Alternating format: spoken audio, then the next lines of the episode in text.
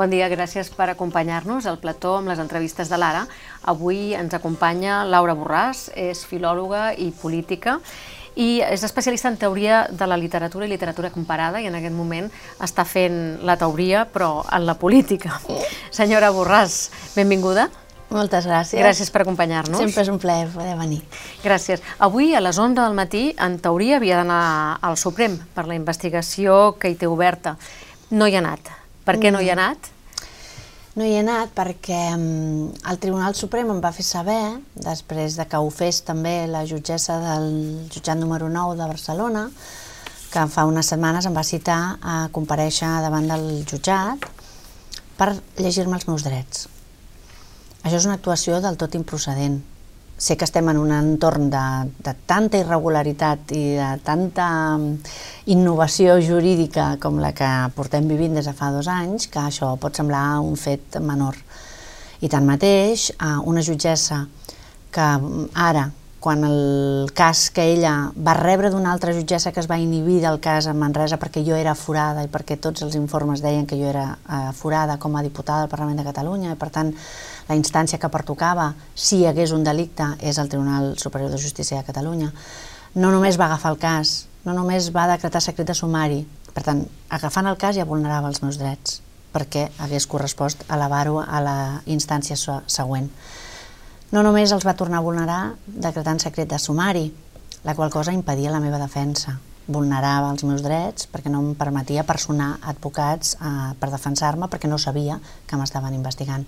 I no només treu les competències als Mossos d'Esquadra per passar-les a la Guàrdia Civil i per tant tenir informes que potser pensava que eren massa lights en el cas dels Mossos d'Esquadra i que aconseguiria que fossin eh, potser més beneficiosos pels seus interessos en el cas de la Guàrdia Civil, sinó que després de fer tot això per espai d'un any i mig, quan jo ja sóc aforada al Tribunal Suprem, per tant, prenent-me una instància més en la meva defensa, quarta vulneració de drets, a, a, es dirigeix al tribunal, al Congrés dels Diputats per preguntar si sóc aforada. Quan en realitat tots els informes que ella té i als quals ara hem pogut tenir accés ja es diu que des del primer moment. Per tant, no era competent per fer una investigació que va ser prospectiva, que tenia una càrrega política que ve marcada per com es, es parla de mi en primera, la primera vegada que surt el meu nom, que es diu Laura Borràs és una conocida independentista, i per tant en aquest entorn de múltiple vulneració de drets, que quan això ja ha arribat al Suprem i el fiscal que ho ha presentat, que és el fiscal Saragossa del judici de l'1 d'octubre,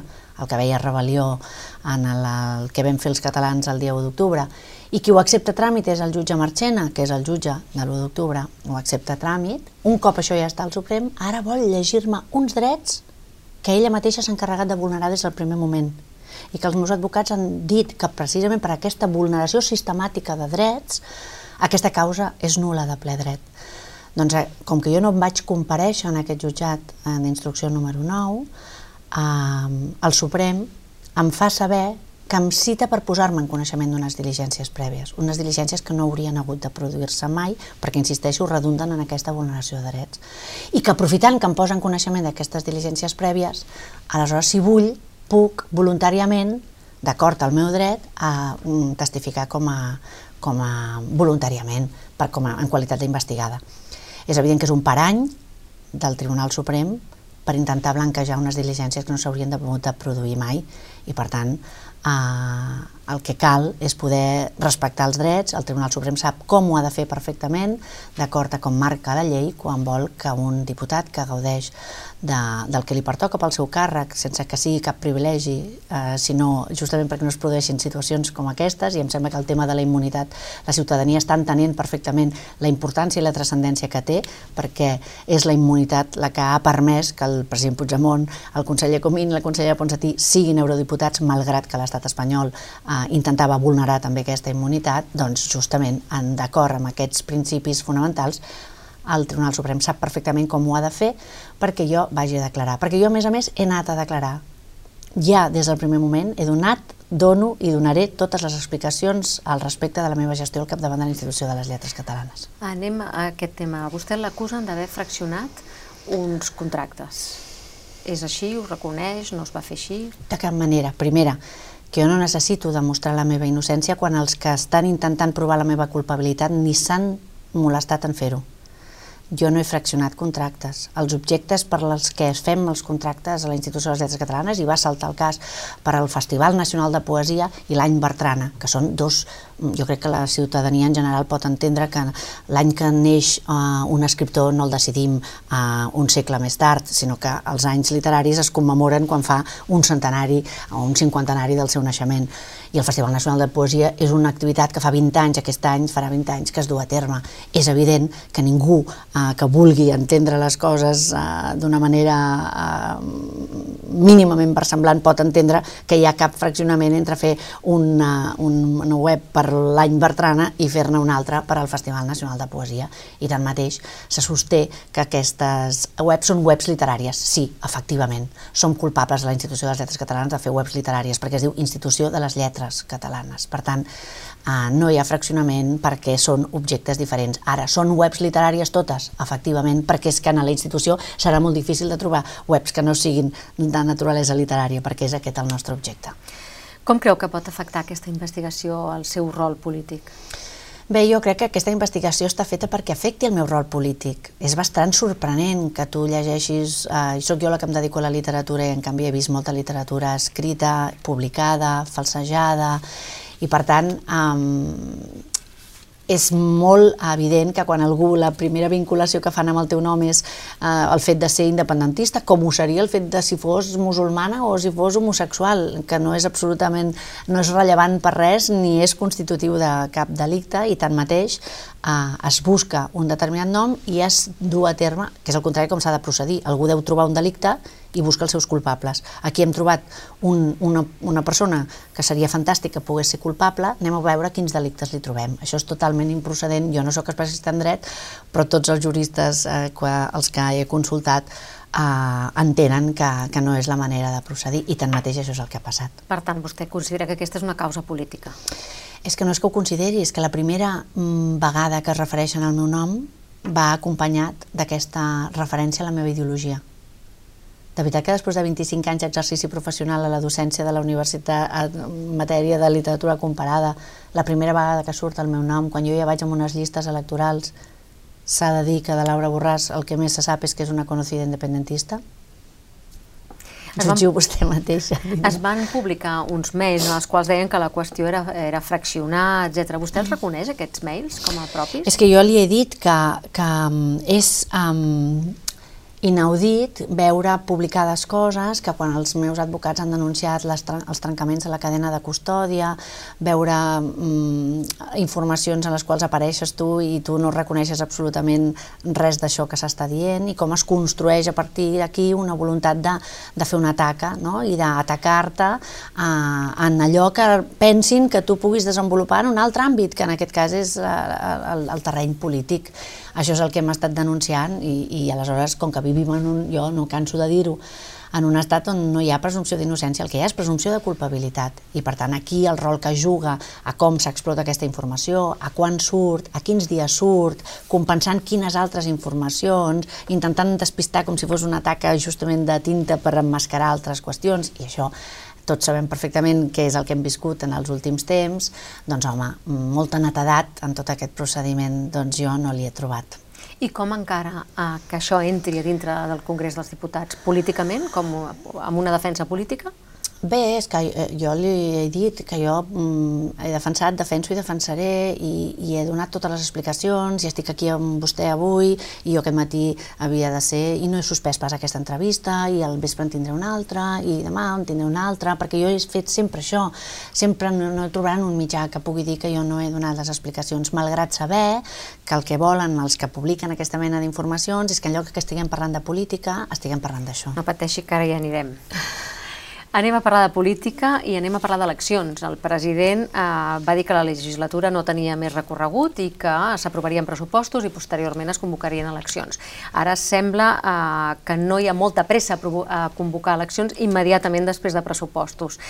Eh, quan creu vostè personalment que seran les eleccions a Catalunya? Bé, no importa el que jo cregui, importa el que decideix el president, i el president jo crec que va ser meridianament clar quan va dir, eh, eh, constatant una situació de ruptura eh, evident, i per tant fent una assumpció de, també de, de, de responsabilitat, naturalment, per al fet de, de voler completar el tràmit eh, parlamentari d'aprovació dels pressupostos, sense trencar aquest govern abans que això es produeixi, però alhora constatant eh, aquest de, certificat de defunció de, del govern i, per tant, constatant que la legislatura és acabada i dir, un cop s'hagi produït aquesta aprovació, hi haurà eleccions.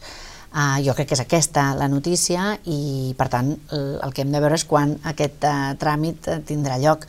És evident que això és el que depèn del president de la Generalitat de Catalunya, però com que vivim en aquest context en el qual el món polític no eh, pot romandre eh, immune a les decisions que es prenen no democràticament, sinó en, en instàncies judicials, doncs tots sabem que efectivament el president té pendent eh, un recurs que ha presentat davant del Suprem respecte de la, de la seva inhabilitació per part del Tribunal Superior de Justícia de Catalunya, que de moment ja li ha costat el fet de perdre la seva acta de diputat. Un cost irreversible, perquè en el supòsit que poguéssim imaginar que el Suprem estigués en disposició d'oferir una sentència justa, és molt supòsits, eh? ja es veu que li he posat un munt de condicionals, en cas que això fos així, ja seria irreparable el dany que se li ha causat prenent-li la seva acta de diputat.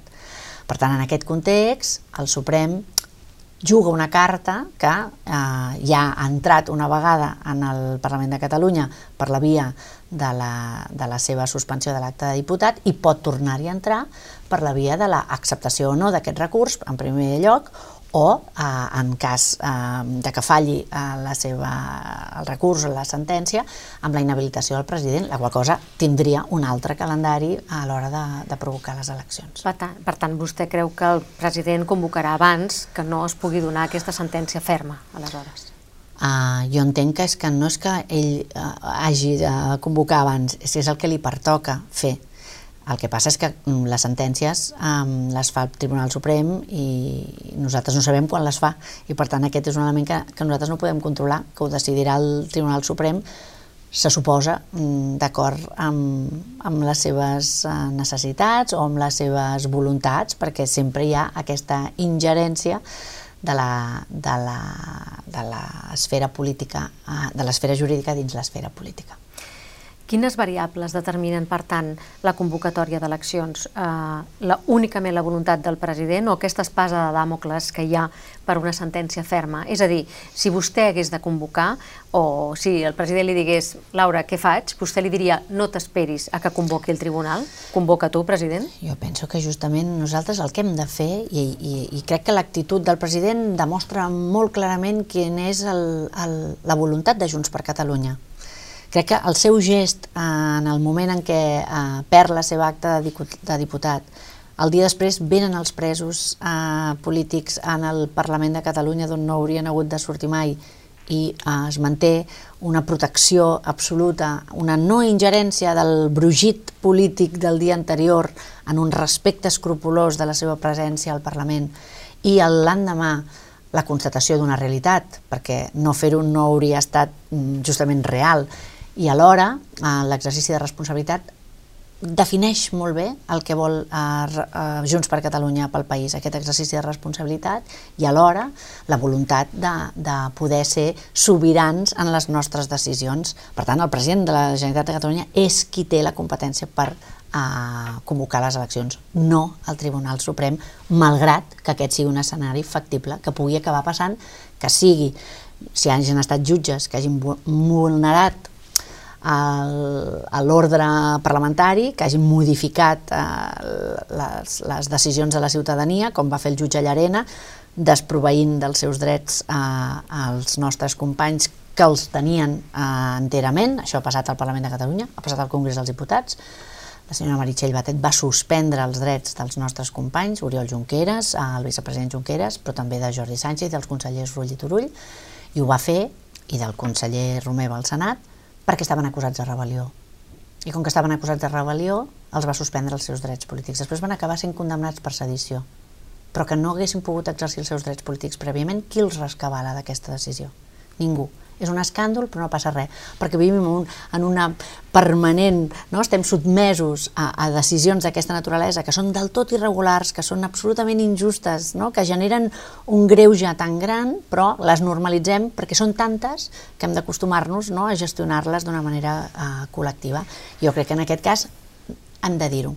No és normal que sigui uh, un jutge o un Tribunal Suprem qui modifiqui una potestat que té el president de la Generalitat de Catalunya. En l'origen de la causa uh, contra el president de la, de la Generalitat, el senyor Quim Torra, ja uh, en retirar uh, fora de termini una pancarta el president, eh, jo li vaig preguntar si valia la pena eh, ser inhabilitat per una pancarta i em va dir que totes les batalles importaven eh, vostè eh, hagués enretirat la pancarta? O sigui, val la pena que el president sigui inhabilitat per una pancarta? S'han de jugar totes les batalles? Però eh, ell diu que no hi ha batalla petita en la conquesta de la llibertat. Aquestes són les paraules del president Exactament. Torra però quan jo vull parla... saber quina és la seva opinió. Però jo no sóc la presidenta de la Generalitat. Però jo li pregunto, tant... li pregunto què hauria, estat, què hauria que... fet vostè. És a dir, s'ha d'anar totes les batalles o aquesta no valia la pena jugar-la? És que jo el que crec és que el que no podem és uh, menys tenir, eh, sistemàticament pensar que hi ha uh, qüestions més grosses o qüestions més petites. Quan estem en una situació de vulneració de drets, quin dret decideixes que és més vulnerables? Quan la democràcia falla per una banda, falla la democràcia i això ja és terrible. Quan s'és injust en una qüestió, ja s'és injust i això és el que és terrible. I aleshores, en aquest cas, eh, sembla que estiguem culpabilitzant o fem recaure aquesta responsabilitat en el president quan en realitat segurament hauríem de fer recaure la responsabilitat de veritat que una junta electoral central pot modificar la voluntat del poble de Catalunya que tria els seus representants en allò que és el pilar de la nostra societat que és eh, les urnes, que és el sistema democràtic? Per una pancarta. És a dir, girem la qüestió perquè si no entrem en el marc mental que vol? Qui està oprimint? I llavors et comportes com un oprimit. I el president va dir és un tema de consciència. Per mi és un tema de consciència. Demanar la llibertat dels presos polítics, demanar la llibertat d'expressió, és un dret fonamental. Ningú pot considerar que fer-ho sigui susceptible d'aportar aquesta contrapartida, que és modificar el vot de la ciutadania. Això és el que és aberrant. I en canvi, carreguem les conseqüències en qui ho fa o no ho fa, no en qui està uh, fent efectiu una aberració democràtica, que és el que ha passat. I d'aberració democràtica en aberració democràtica, i aleshores un òrgan administratiu es cola en el Parlament de Catalunya, modifica la voluntat dels seus diputats i uh, du a terme un cop d'estat i priva al Parlament de Catalunya, al president de la Generalitat de Catalunya, de la seva acta de diputat. Això és el que és aberrant, però en canvi això és el que passa. Senyora Borràs, abans de les eleccions serà de reordenar l'espai de Junts per Catalunya, la postconvergència, Junts per Catalunya, aquí hi ha molts actors diversos, és un espai molt atomitzat. Um, on se situa vostè? Creu que s'hauria de fer una sola força política? Existeix encara la crida? Uh, ha de liderar Junts per Catalunya? Qui, qui ha de liderar aquest uh, redreçament?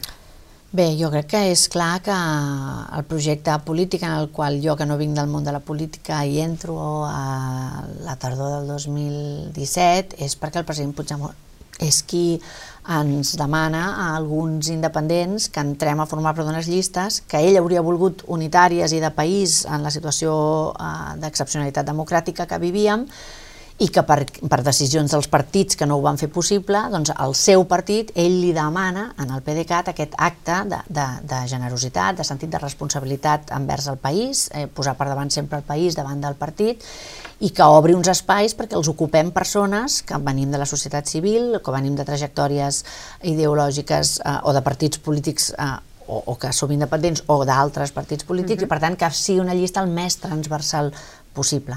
Això és el que és Junts per Catalunya. Per tant, PDeCAT i independents. L'any passat es crea la Crida i alguns dels independents, més altres persones de, de diversos partits polítics, també el PDeCAT, però també Esquerra Republicana i altres, eh, formen part de, de la Crida. Ara aquest espai, és evident que el paraigües que ho aglutina és la figura del president Puigdemont, la figura del president Torra, tots dos eh, són fundadors de, de la Crida, Jordi Sánchez, que també eh, és eh, el, el coordinador general de, de la Crida, i aquest espai és el que respon a, a, a la necessitat d'ordenació que tenim en aquests moments de hi ha un partit polític, hi ha una organització que encara no és partit polític, però podria ser que és la crida, hi ha un grup parlamentari que és Junts per Catalunya. Es tractaria de ser capaços d'unificar aquest espai al voltant d'un partit polític eh, que té com aquest referent el president Puigdemont, que és com va començar Junts per Catalunya el 21 de desembre. El president Puigdemont ha, ha de ser a les llistes en quin lloc? El president Puigdemont eh, és una presència constant. Miri, ara ja no és diputat al Parlament de Catalunya, però continua liderant i continua sent el referent pels diputats del Parlament de Catalunya. No anava a les llistes de Madrid, eh, que en aquest cas encapçalava jo, però continua sent un referent pels diputats que som a Madrid i que som de Junts per Catalunya. Per tant, ell és el president legítim d'aquest país, que va ser il·legítimament destituït. Ara mateix, i ha costat sang, suor i llàgrimes i molts plors per part d'alguns, és eurodiputat, gaudeix d'aquesta immunitat parlamentària al Parlament eh, Europeu. I per tant, ara mateix té aquesta circumstància fruit de, de, de, de la repressió que el 21 de, de les eleccions del 21 de desembre, que són les eleccions convocades pel 155, ha deixat en aquest escenari polític, però ell és el referent. Llavors nosaltres som un equip i som un equip i, i el Messi és una posició que està agafada, és la del president Puigdemont i la resta de persones hem de jugar eh, al servei d'aquest projecte col·lectiu. I Messi encapçala la llista? Messi és sempre en aquesta figura indiscutible i indiscutida, no només I dins del nostre espai, sinó fins i tot en altres espais. El fet de que hi, hi vagi o no no és a l'estadi on estem ara, estem parlant d'aquesta reorganització, no estem parlant de les llistes o de les candidatures, perquè abans hi ha la voluntat de poder fer aquesta reorganització de l'espai, però justament perquè som un equip, doncs treballarem en forma d'equip per poder aconseguir un resultat que sigui el millor per tothom. Vostè voldria ser candidata a la presidència efectiva? És a dir, si el senyor, el president Puigdemont anés de 1, vostè aniria de 2? Comencem malament amb la pregunta voldria ser. Perquè Però jo... no, no, no anem malament, no, és volgudament així. No, que va, no ho és perquè... És una altra cosa que si, no li agrada. Si vostè parlés amb el president Puigdemont li podria dir que quan em va convidar a, a participar a les llistes jo em vaig resistir tant com vaig poder, perquè a mi eh, molts anys abans ja m'havien convidat a formar part de partits polítics diversos mm -hmm. i jo sempre vaig dir que no. Es veu sí. que no perquè el moment de fer-ho era ara, que és el, moment, és el gran moment d'entrar en política, quan t'emportes querelles, pots anar a la presó, pots anar a l'exili, eh, etc. No? Es veu que era ara el gran moment per entrar en política. Per tant, jo m'hi he, he resistit sempre. Ha estat fruit d'aquestes circumstàncies excepcionals que aparco una vida en la qual era molt feliç per dedicar-me a fer una feina molt complexa. Donada Llavors, aquesta, compli aquesta complicació del moment, sí. uh, si li ho demanen, vostè encapçalaria aquesta llista? És el que li anava a dir. Jo no volia ser diputada, vaig ser diputada. No hagués imaginat mai ser consellera de Cultura i vaig ser consellera de Cultura.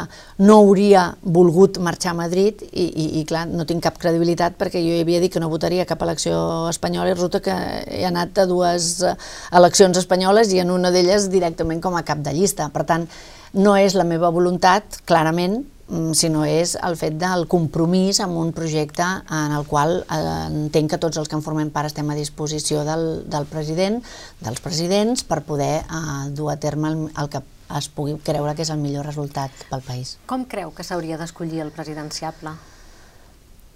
Com crec? Jo sóc una persona que sempre he pensat que votar és una manera doncs, de, de mostrar clarament la, quin és el, el termòmetre no, de la gent i és una forma de legitimació eh, que estem demanant en tants altres àmbits que jo, jo sempre he, he pensat que és una bona manera de prendre decisions a partir d'escoltar la gent en el seu conjunt i aleshores actuar en conseqüència.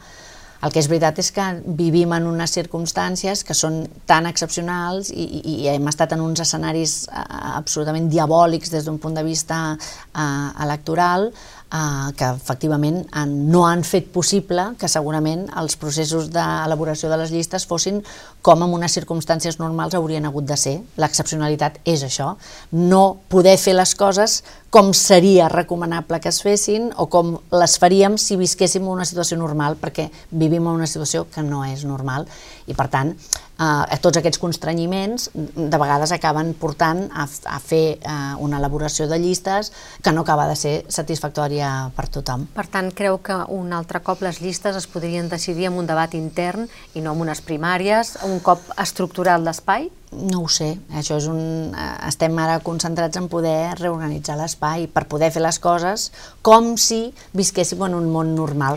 Després arribarà aquesta anormalitat de manera permanent i, i aleshores, efectivament, també la teva capacitat de reacció és el que et permet continuar viu o no. Jo recordo quan es va voler intentar deixar fora de joc el president Puigdemont, a Carles, a, a, a, al conseller Comín i a la consellera Ponsatí d'unes llistes vam tenir eh, un marge d'una hora i mitja per eh, substituir-los per altres persones, per si era admès el nostre recurs després que poguessin tornar-hi a ser, perquè si no haguessin fet això, i haguessin quedat fora. I per tant, eh, vivim en aquestes circumstàncies en què ens, ens en posen molts d'obstacles i per tant també la capacitat de ser capaços d'anar-los sortejant és eh, una necessitat també peremptòria en aquests temps que Però vivim. Però endreçar l'espai aquest postconvergent mm. o diguem-li de centre liberal, diguem-li com, diuen moltes com vegades vulgui. aquest nom eh, postconvergent, però, però, però en l'equació de moment estic no hi és disposada, convergència. Estic disposada a que vostè em independentista. digui... Li pot dir independentista. Però hi ha un independentista també n'hi ha un altre d'espai independentista, sí, però es, perquè hi ha Esquerra Republicana. Normalment es diu republicà, sí, tria com a gentilici Estem parlant de partits, no estem parlant sí, no d'ideologia. Aleshores, dintre del que és Junts per Cat, uh -huh. PDeCAT, el món Puigdemont, etc.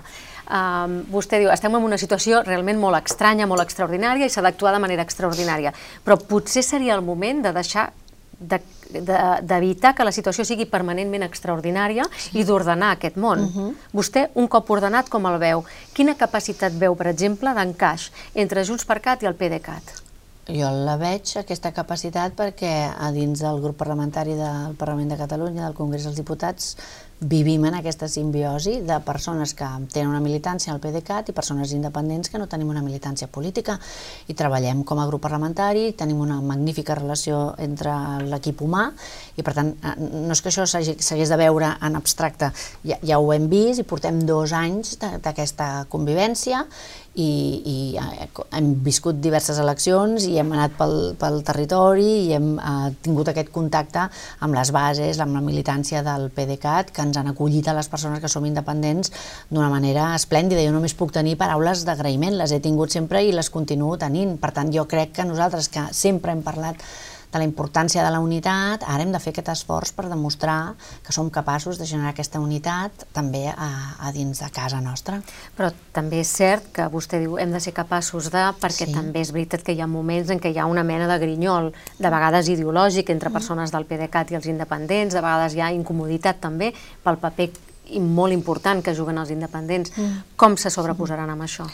Bé, doncs uh, aquesta és la prova de focs, aquest és el, el test de, que hem de resistir i que jo crec que la crida també en la seva mm, aparició, eh, justament el fet de parlar de les persones i no de les sigles, és el que eh, recull aquesta voluntat que és en l'origen de la crida de l'1 d'octubre, de fer possible la independència i fer-ho sumant persones que vulguin aconseguir aquest objectiu.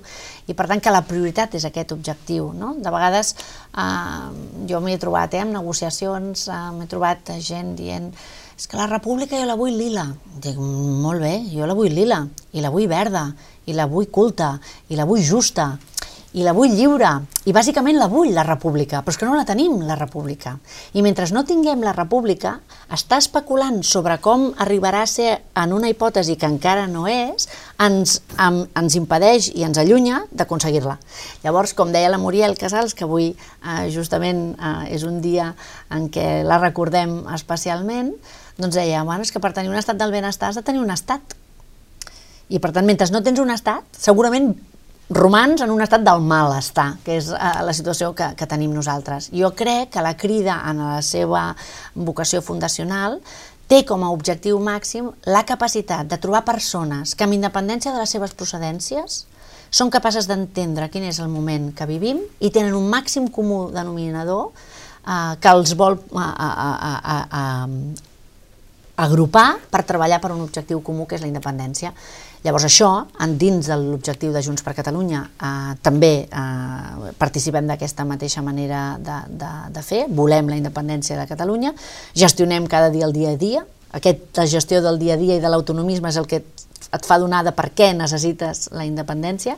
I per tant jo crec que justament si som capaços de prioritzar aquest objectiu per justament garantir que totes les polítiques que es podran fer seran polítiques plenes, que millorin la vida de la ciutadania, que és el que, pel que fem política al capdavall, ha de ser possible aquesta estructuració sòlida d'un espai únic. S'està gestionant bé aquest mentrestant? És un, un mentrestant segurament molt més complicat que mai haguéssim imaginat, perquè ens arriben torpedes per terra, mar i aire de qui vol obstaculitzar aquest mentrestant de totes les maneres possibles. Llegeixis Audiència Nacional, Tribunal Suprem, Tribunal Constitucional, Tribunal de Comptes, eh? tot, tot, tot, tenim un, un, un foc permanent eh, de l'altre costat i al damunt doncs, eh, la, la repressió té aquest efecte. Eh, clar, la gent diu, no, tant, no teniu por. Clar que tenim por, és que, clar que tenim por. Les circumstàncies són perquè tinguem por, però tanmateix hem de dur a terme una feina i l'hem de poder fer amb una solidesa el més gran possible. I això en aquest moment passa per gestionar les institucions gestionar la sobirania de les institucions i defensar aquestes institucions, perquè també són posades en entredit, també són qüestionades i també poden ser vençudes. Per tant, jo crec que hi ha aquesta responsabilitat de poder gestionar aquest mentrestant intentant aconseguir almenys preservar aquestes qüestions que són molt i molt bàsiques. Com descriuria vostè avui la relació entre els dos socis de govern?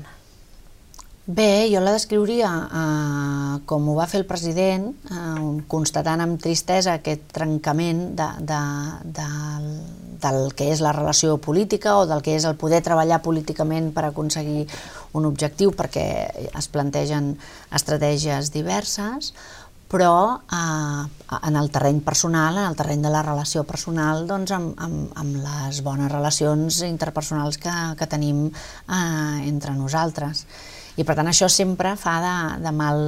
Um, jo, jo tinc moltes persones que, que m'aprecio molt dins d'Esquerra Republicana o dins de la CUP, etc. No? I, i, I aleshores fa de mal uh, viure com de vegades no podem posar-nos d'acord amb coses que a mi em semblaria que hauria de ser més fàcil que ens hi poséssim d'acord, però tanmateix constatem la dificultat. Per tant, vostès són socis dins d'un govern amb estratègies diferents.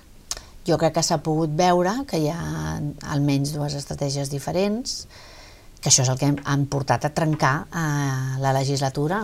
El president em sembla que em va fer una anàlisi molt lúcida el dia que va justament donar la legislatura per acabada. Vostè l'altre dia va fer unes declaracions al Huffington Post dient que, que Esquerra era l'autonomisme de sempre.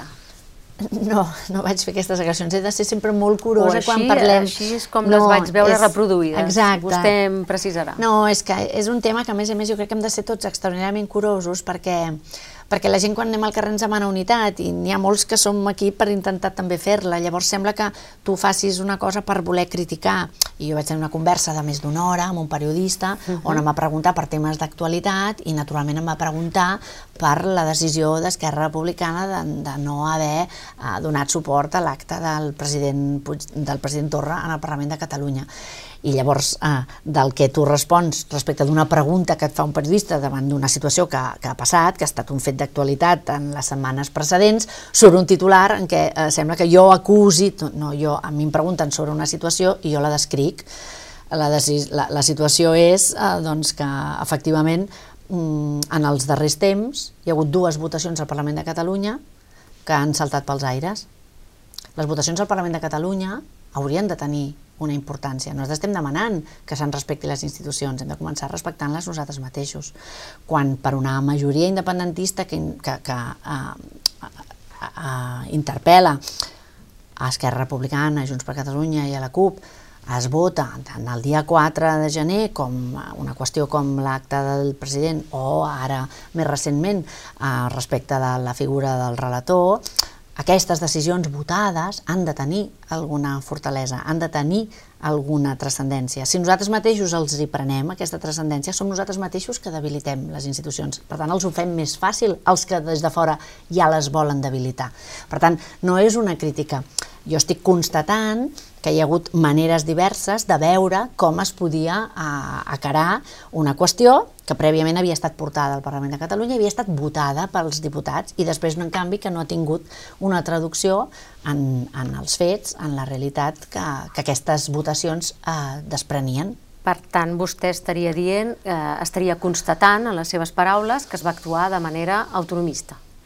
No, en aquí em van preguntar que què era l'independentisme pragmàtic i, i jo, valorant els gestos de pragmatisme basats en l'incompliment de resolucions votades en el Parlament de Catalunya, vaig dir que eh, moltes vegades això semblava un autonomisme del de tota la vida. És a dir, que aquest pragmatisme feia que, no, quan, quan és el que dèiem abans, quan es vulneren diversos drets, doncs què dius? Mira, doncs, si vulneres aquest, t'ho perdono, però aquest no. Bueno, és que el problema és la vulneració, no? Doncs en aquest cas, aquest pragmatisme moltes vegades aboca a una debilitat interna pròpia nostra, de les nostres institucions. Llavors aquí és on crec que tots hauríem d'estar junts, però no per defensar a un partit polític o un altre, sinó per defensar justament el que vota el Parlament de Catalunya i que afecta el conjunt de la ciutadania perquè qui, qui hi ha allà dins són els seus representants, fins i tot els que no voten a favor d'aquelles qüestions. La conseqüència d'una votació diferent hauria estat probablement no aprovar els pressupostos?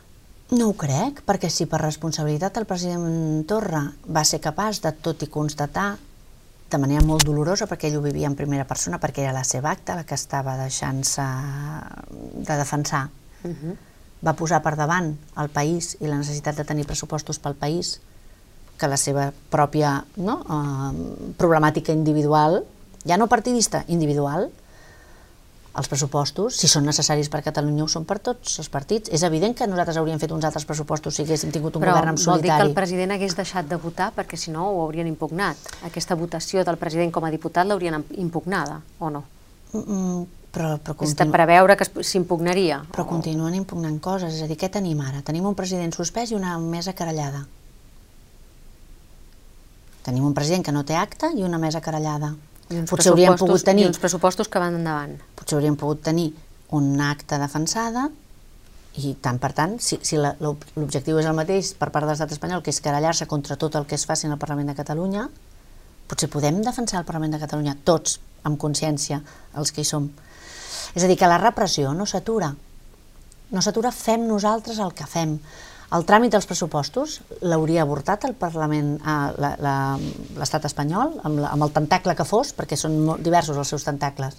L'oposició, la pregunta és, l'oposició hauria evitat la tramitació dels pressupostos si hagués votat el president? Si els, si els pressupostos són necessaris pel país i el president de la Generalitat és capaç de fer aquesta, mm, deixar de banda la seva situació personal per uh, mirar el que necessita el país, si ho fa el president entenem que ho fan tots els partits polítics que diuen que treballen per la ciutadania de Catalunya? O és que els pressupostos només són importants per la ciutadania de Catalunya que vota els partits que són al govern? No.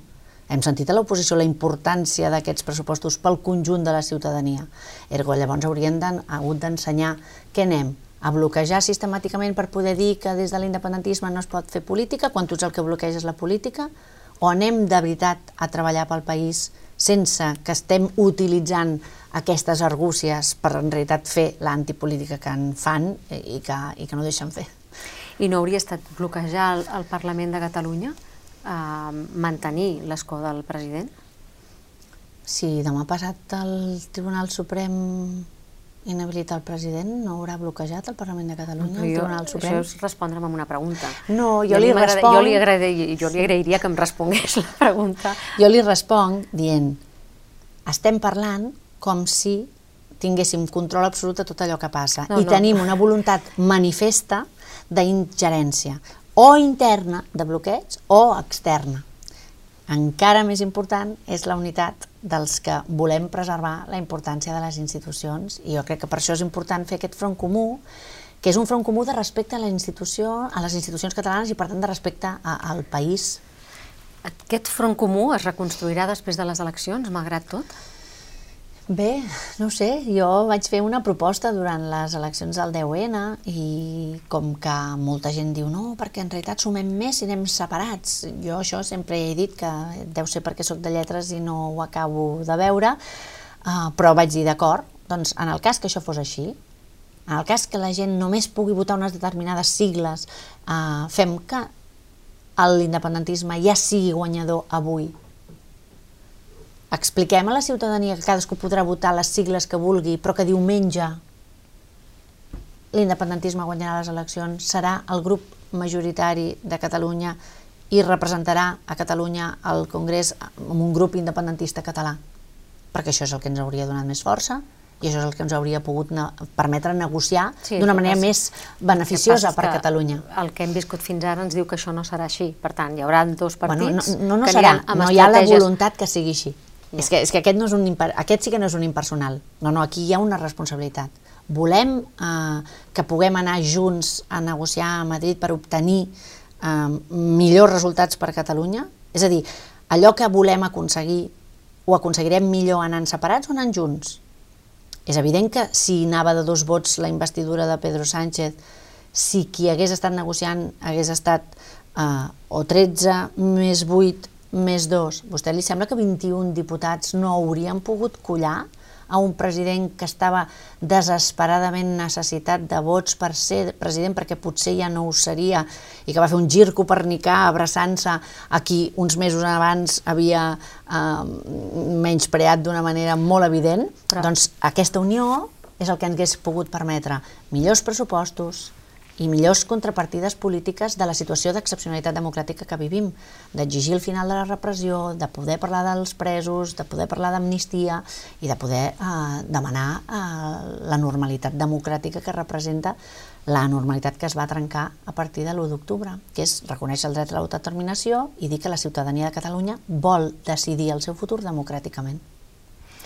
De tota manera, aquestes votacions poden ser en la mateixa línia des de grups eh, parlamentaris diferents. Ho poden ser, ho, ho poden ser, però... És com seran les properes eleccions, perquè vostès no aniran junts a les properes eleccions. Sí, jo en aquest sentit sempre dic una cosa, que és que junts vam fer l'1 d'octubre i separats no vam poder investir el president Puigdemont.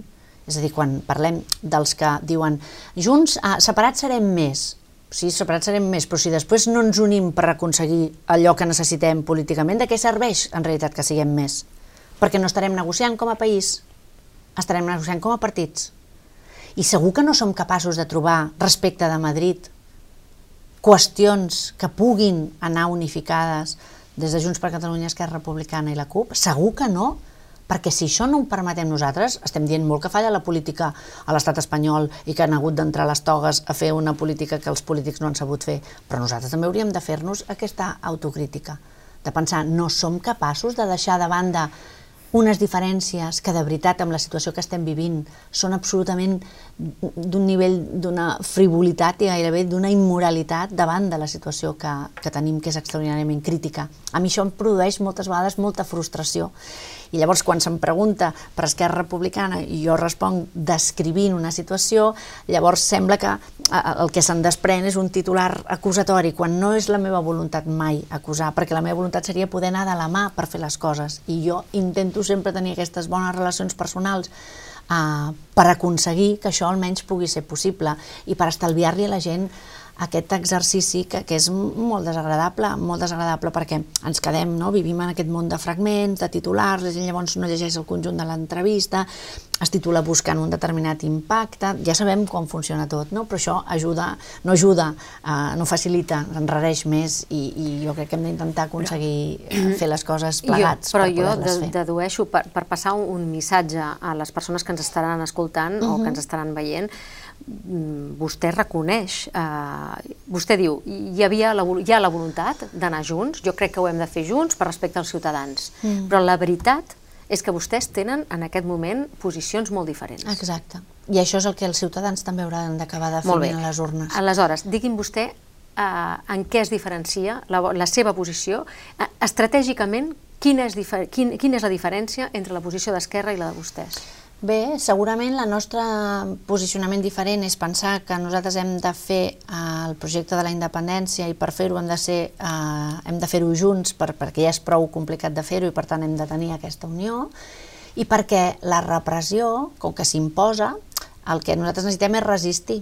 Necessitem resistir per poder guanyar. És a dir, que mm, hi haurà um, gestos que venen d'aquesta resistència que seran petits però que ens ajuden a continuar sent Mentre que si tu modifiques allò que tu vols fer eh, donant-li la raó al repressor, allunyes el teu objectiu d'aconseguir la independència perquè estàs, d'alguna manera, justificant eh, les accions del, del, del repressor. L'altre dia eh, el company al Congrés dels Diputats Ferran Bel deia que nosaltres a, a Madrid no hem tingut un govern del PSOE o un govern del PP, tenim governs de l'estat espanyol perquè respecte de Catalunya eh, tenen les mateixes polítiques, actuen de la mateixa manera. Doncs aquesta seria una manera de veure de com eh, en aquesta proposta que tenim per la ciutadania és evident que nosaltres hem pensat, eh, i per això és moltes vegades el lema del president Puigdemont, que per insistir ja és vèncer, perquè ja no ens voldrien, ja no, ja no ens voldrien vius, diríem, eh? ja fan tot el possible per intentar sí. eh, acabar amb, amb nosaltres. Si el PP i el PSOE són el mateix, quin futur li augura vostè a la taula de diàleg? Bé, um, nosaltres hem estat, respecte a la taula de diàleg,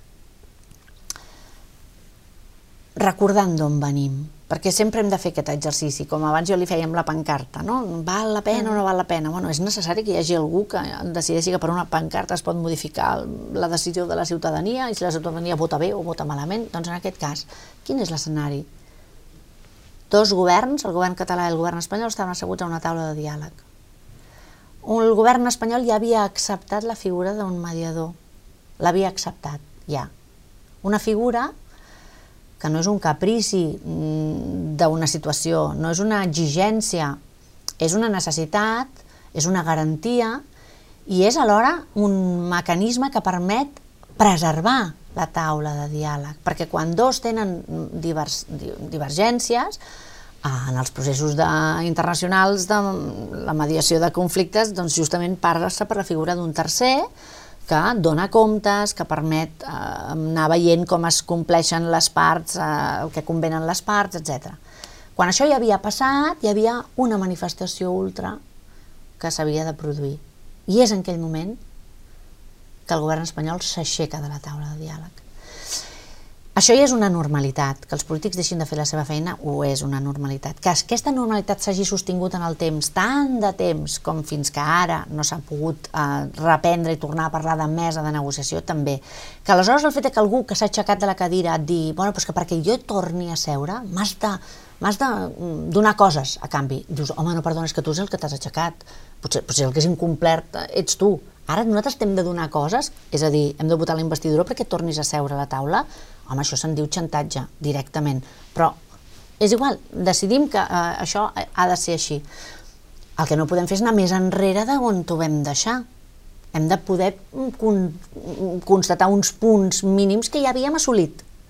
I aquest és el, el tema de la mesa de negociació. Nosaltres vam dir sempre, si la mesa de negociació té a veure amb el punt on ho vam deixar, era entre governs, no es pot negociar entre partits una mesa que afecta governs, perquè imagina't que hagués estat a la inversa, S'imagina que no Junts per Catalunya hagués votat o, o hagués acordat amb, amb el PSOE una mesa que afectés el govern, on hi ha un altre soci en el govern que no hi ha participat?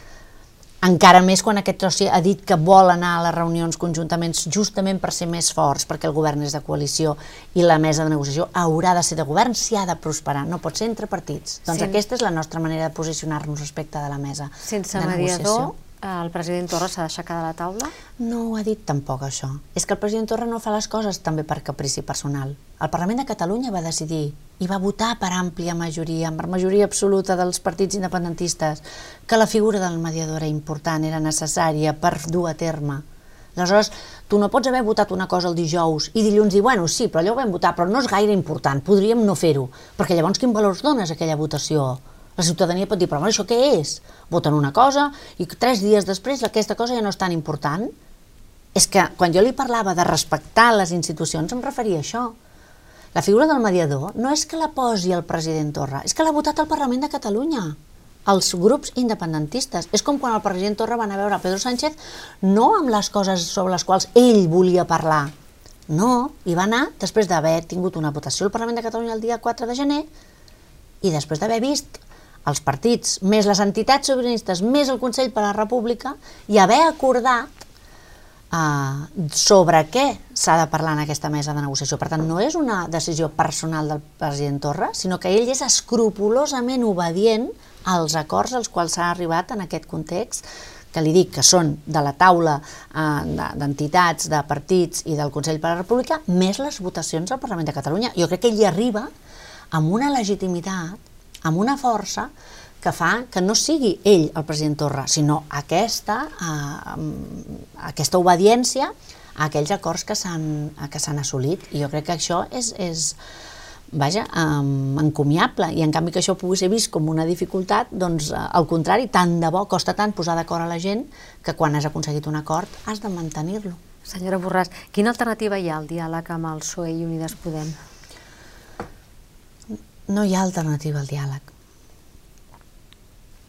És que vostè em pregunta quina alternativa hi ha. És que no hi ha alternativa al diàleg. Però quan parlem de diàleg, parlem de diàleg. No parlem de uh, diàleg fake o de diàleg de postureig o de diàleg retòric buit de significat. No, si parlem de diàleg, parlem de diàleg de veritat, sobre les coses de les quals s'han de parlar per al moment que vivim.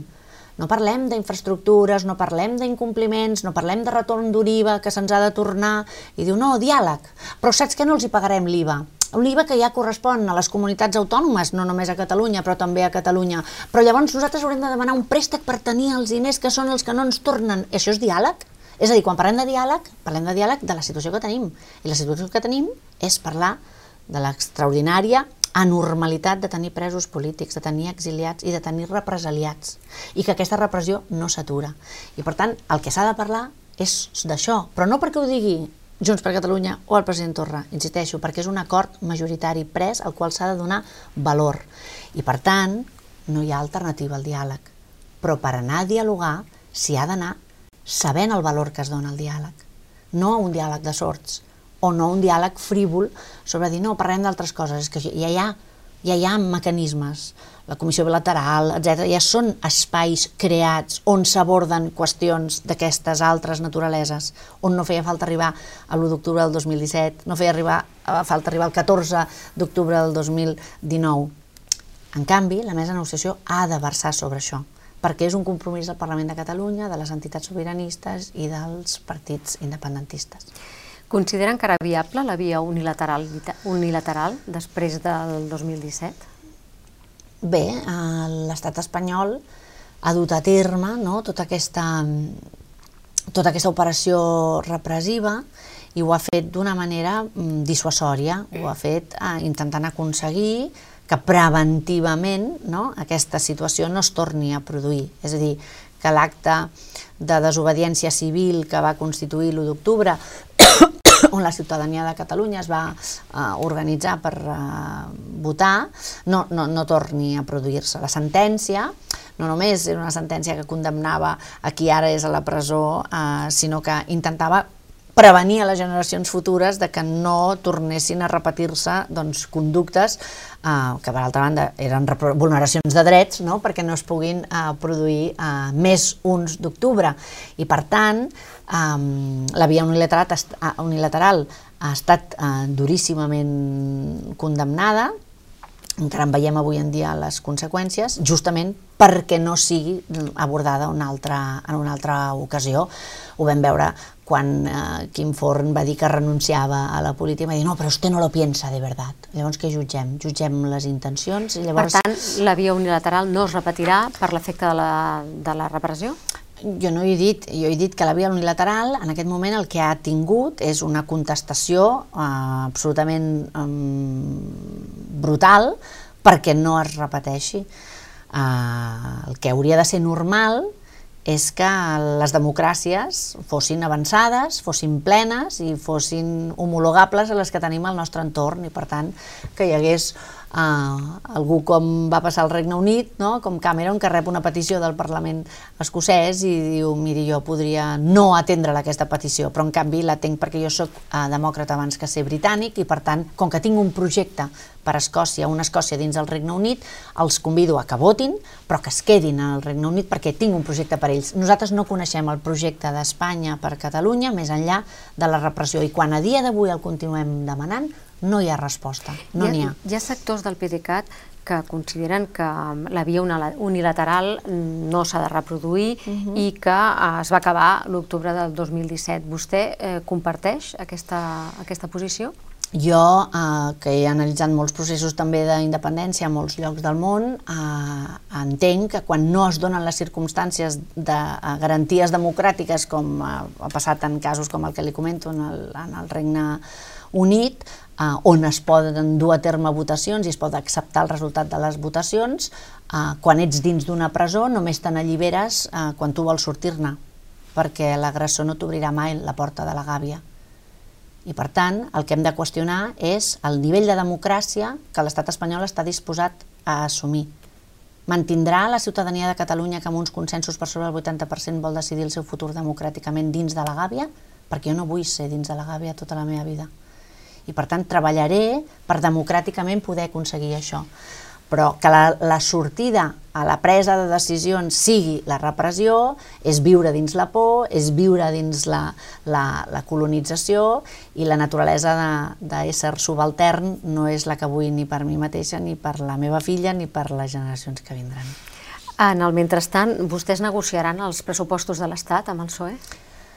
Nosaltres hi som i nosaltres ens plantegem en cada moment dur a terme doncs, eh, les actuacions que, com sempre diem, no anem a fer política a Madrid per fer política espanyola, anem a, a Madrid a poder fer política en clau catalana i per tant veurem quines són les propostes. Nosaltres no hem dit mai que no eh, estiguem en condicions de negociar i de dialogar, és més aviat altres que no han volgut dialogar, els que són els adalits ara del diàleg que no volen dialogar i per tant dos no dialoguen que un no vulgui i per tant en aquest cas eh, veurem què és el que passarà. Hem negociat els pressupostos a la Generalitat de Catalunya i s'ha fet no pensant que serien els nostres pressupostos, però sí eh, mirant de trobar l'encaix que permet que Catalunya pugui tenir uns pressupostos. Eh, veurem en aquest cas què és el que passarà. Què demanaran eh, vostès per asseure's a la taula de la negociació dels pressupostos? Nosaltres, el, seu, el seu grup parlamentari. En cada, jo li deia, eh, en cada cas nosaltres el que fem és eh, veure de quina manera fem política mirant en Catalunya. No ens importa la governabilitat de l'estat espanyol per la governabilitat de l'estat espanyol, ens interessa la governabilitat i els interessos de, de Catalunya i per tant eh, veurem en quina predisposició hi ve el PSOE i, i de quina manera els podem treballar perquè siguin si és que això és possible, beneficiosos per Catalunya, perquè també insistim sempre en el fet de que el fet de que hi hagi uns pressupostos no vol dir que finalment eh, això eh, acabi eh, convertint-se en compliment d'aquests pressupostos, perquè també, igual que el diàleg se li ha de donar valor en profunditat, els pressupostos espanyols sempre són rècord d'incompliment, sobretot respecte de Catalunya. La senyora El Sartadi, en, aquest, eh, en una entrevista amb l'Antoni Bassas aquí al diari Ara, va dir que es van equivocar al seu espai polític no plantant-se el 30 de gener. Comparteix aquesta opinió? Absolutament. Jo crec que la legislatura va quedar marcada per aquest, eh, per aquest acte del 30 de gener de no complir un pacte entre socis, perquè estava pactat que Junts per Catalunya votaria el candidat que Esquerra Republicana proposés a la presidència del Parlament de Catalunya i que Esquerra Republicana votaria, bueno, en aquest cas perquè la presidenta Forcadell no va voler ser la presidenta perquè nosaltres teníem molt clara que era la legislatura de la restitució i per tant que el candidat a restituir a la presidència de la Generalitat era el, el president Carles Puigdemont. I tots aquests acords, i jo en aquest sentit ho puc dir perquè vaig formar part de les negociacions, anaven encaminades que van ser llargues, dures, difícils, complexes i que van allargar-se fins a la nit anterior, molt avançada a la nit, um, van ser dinamitades el dia 30 de gener. I una pregunta, això no hagués bloquejat la legislatura? No sé si l'hagués bloquejat, ens hagués donat un element de força interna que és el que aspirava la ciutadania, que és el que aspiràvem les persones que ens acabàvem d'incorporar en política. Què vol i... dir un element de força interna? El fet d'haver aconseguit aquesta lleialtat entre socis, aquest defensar posicions comunes i aquest a plantar cara davant l'avassallament sistemàtic que espera l'estat espanyol respecte, aconseguir respecte de Catalunya. I jo crec que ser nosaltres mateixos els que fem de còmplices doncs és un mal negoci per nosaltres perquè estàs ensenyant a qui oprimeix quin és el camí per continuar perseverant. Esquerra va fer de còmplice? No, Esquerra no va complir el seu pacte de govern, eh, que hi havia aquest quid pro quo respecte de les presidències, perquè en la legislatura que havia quedat avortada per l'aplicació del 155, qui eh, tenia la presidència del Parlament de Catalunya era la presidenta Forcadell, i per tant Esquerra Republicana, i qui tenia la presidència de la Generalitat de Catalunya era el president Carles Puigdemont. I per tant això és el que s'havia d'haver eh, votat el dia 30 de gener, però el president del Parlament va ajornar aquella votació, no la va fer possible, després d'aquell 30 de gener ja no ha estat possible, i les ingerències externes van, van entrar a partir del moment en què tu obres la porta. No va ser possible investir a Jordi Sánchez, no va ser possible investir a Jordi Turull, i tot, ja no ens recordem d'aquestes vulneracions. Nosaltres sí perquè les vam viure amb molt de dolor i en primera persona, però ja fins després a l'haver aconseguit la, la investidura del president Torra, jo comparteixo aquesta opinió de que la legislatura ha vingut marcada per aquesta no investidura del president Puigdemont el 30 de gener. Senyora Borràs, el 2017 es va cometre algun error? Es van fer les coses com millor es podien fer?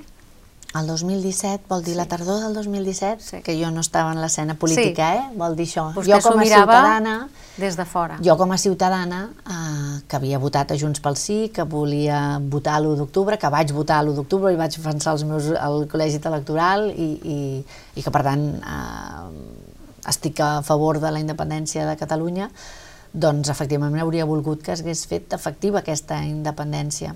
Uh, jo no sé si aquí el principal error, com ha dit moltes vegades el president Puigdemont, va ser pensar que al davant teníem un estat demòcrata, no autoritari com s'ha vist que és l'estat espanyol. I per tant, ell sempre diu que el principal error va ser creure en l'estat espanyol, creure en qui oferia diàleg. Haver confiat en l'estat espanyol va ser segurament el més gran error i per tant haver proclamat i suspès la independència eh, el president ho ha reconegut com un error perquè esperava, confiava en aquesta contrapartida de l'estat espanyol que no va arribar mai. Jo crec que això és un avís per navegants important perquè va passar llavors i bé, quan parlem d'autocrítica, potser la primera autocrítica que s'ha de fer és haver pensat que vivíem en un estat que assumiria el que eh, surt dels compromisos electorals. I una pregunta, es podia mantenir la independència en aquell moment? Bé, jo no estava en aquell moment a la primera línia política, però jo crec que eh, es va ser molt clar al llarg de tot el procés de, de, de, la creació de Junts pel Sí, el programa electoral aprovat per la Junta Electoral Central parlava de dur a terme un referèndum per eh, exercir el dret de l'autodeterminació, um, en la forma d'un referèndum per aconseguir la independència. Per tant, uh, un cop el govern que té la majoria per dur-ho a terme ho posa en pràctica uh, i rompre de la manera absolutament inopinada amb què ho va fer l'estat espanyol, uh, pagant els votants, segrestant les urnes, eh, portant-se els vots, mm, doncs va ser una sorpresa. Ja no ho recordem amb la mateixa intensitat, però... el 27 però... d'octubre es, va, es va declarar la independència es va declarar la independència, no en la sala de plens del, del Parlament, de l'hemicicle, i per tant les conseqüències és que no som independents, per tant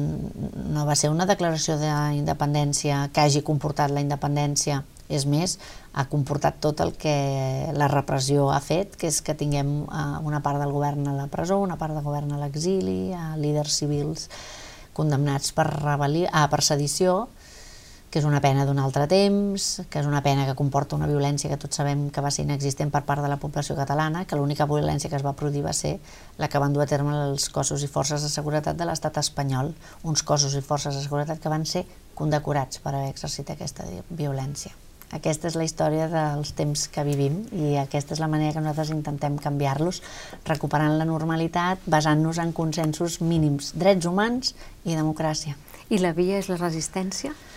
Sí, la via és la resistència perquè altrament vol dir que és la desaparició i no hem vingut aquí per desaparèixer i no hem vingut aquí per substreure um, o oblidar o, o menysprear el dolor enorme que des de l'1 d'octubre s'ha produït en tantíssimes persones imputades, reprimides, mutilades, exiliades, empresonades i per tant mm, tenim l'obligació de, de persistir davant dels que ens voldrien desistits, jo crec que la nostra obligació i tenim el, el deure de, de el dret i el deure de persistir. Laura Borràs, moltíssimes gràcies per acompanyar-nos en aquesta llarga entrevista. Gràcies a vosaltres. Gràcies a vostè també, a vostès també per ser-hi. Fins molt aviat.